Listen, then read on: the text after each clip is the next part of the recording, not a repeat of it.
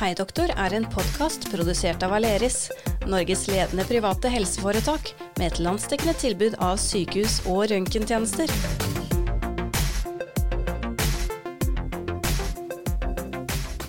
Hallo, hallo, og velkommen til nok en episode av Hei doktor. Dina Heie Pedersen heter jeg, og i dag så har jeg fått med meg en som vi har hatt eh, på besøk i studio før, nemlig urolog ved Aleris, Sevat Molven. Velkommen.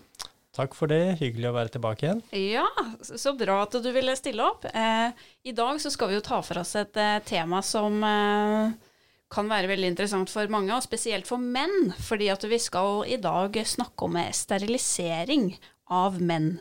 Og først må jeg jo spørre deg da, hva er sterilisering?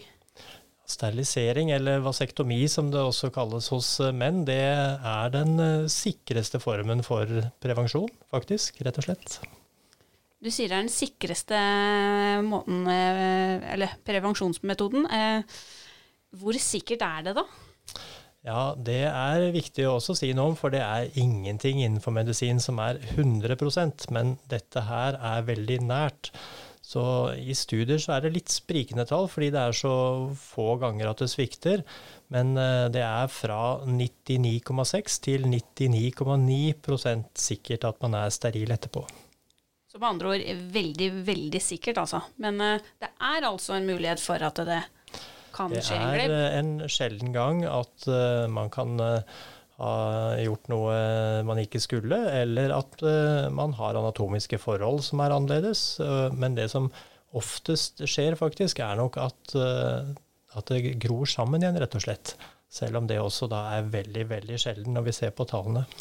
Men hvordan er det dette her utføres? Er det vondt?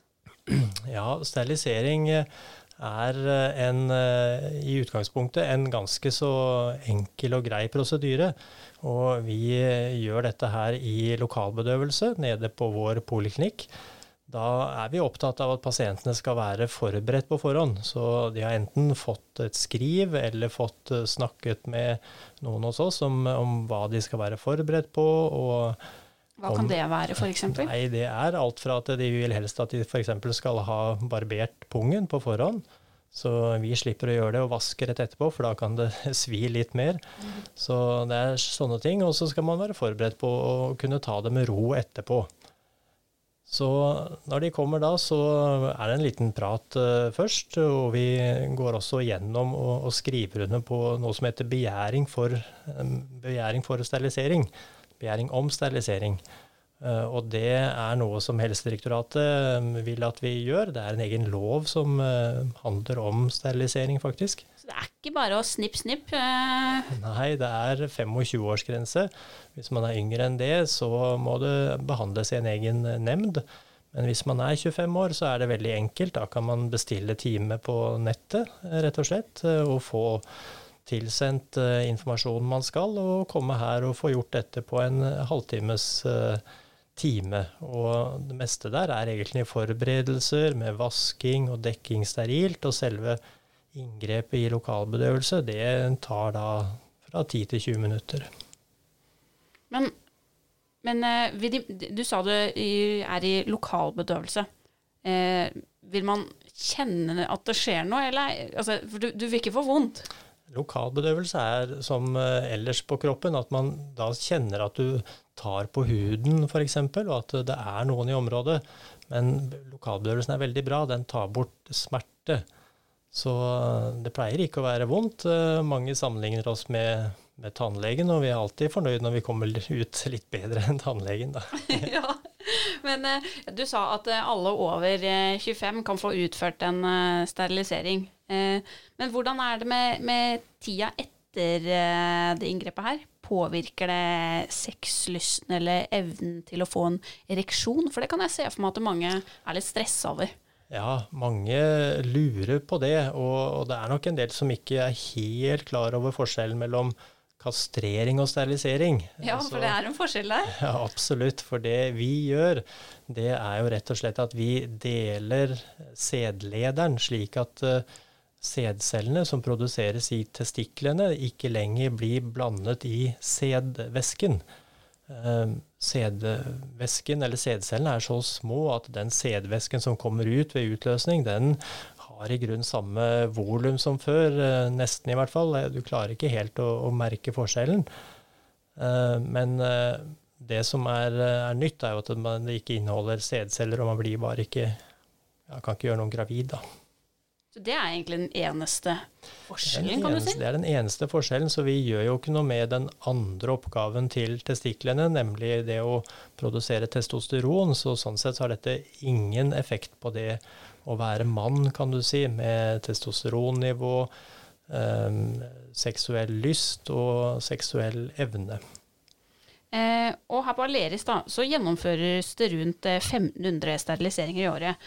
Og i en artikkel fra NRK i fjor så forteller du om at eh, det er en økning i antall menn som ønsker å få utført en sterilisering. Hva er grunnen til det, tror du?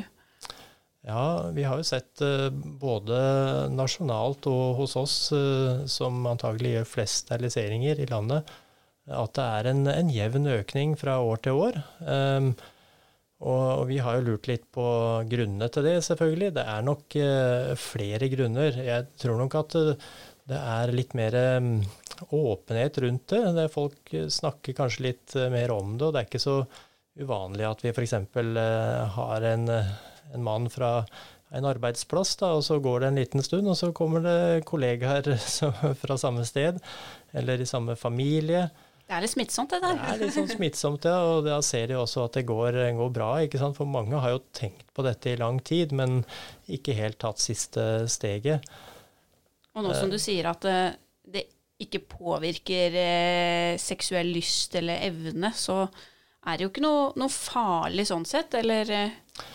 Eh? Nei, det er det ikke. Det forandrer deg ikke som eh, mann i det hele tatt. Og en annen grunn til at eh, det nok er flere og flere som velger sterilisering som prevensjonsmetode, er nok eh, at en del kvinner ikke tåler så godt å gå på særlig hormonholdig prevensjon over tid.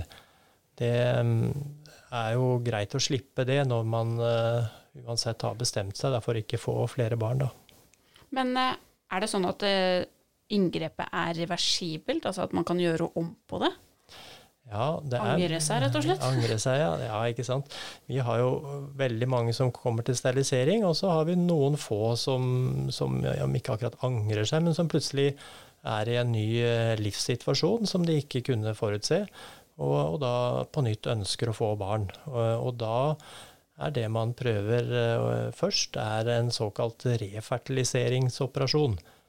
Uh, og Det er også noe vi gjør her. Uh, og det vi rent praktisk gjør, er rett og slett å, å sy sædlederne sammen igjen. Og det, det, funker? Det funker hos mange, men, men ikke alle.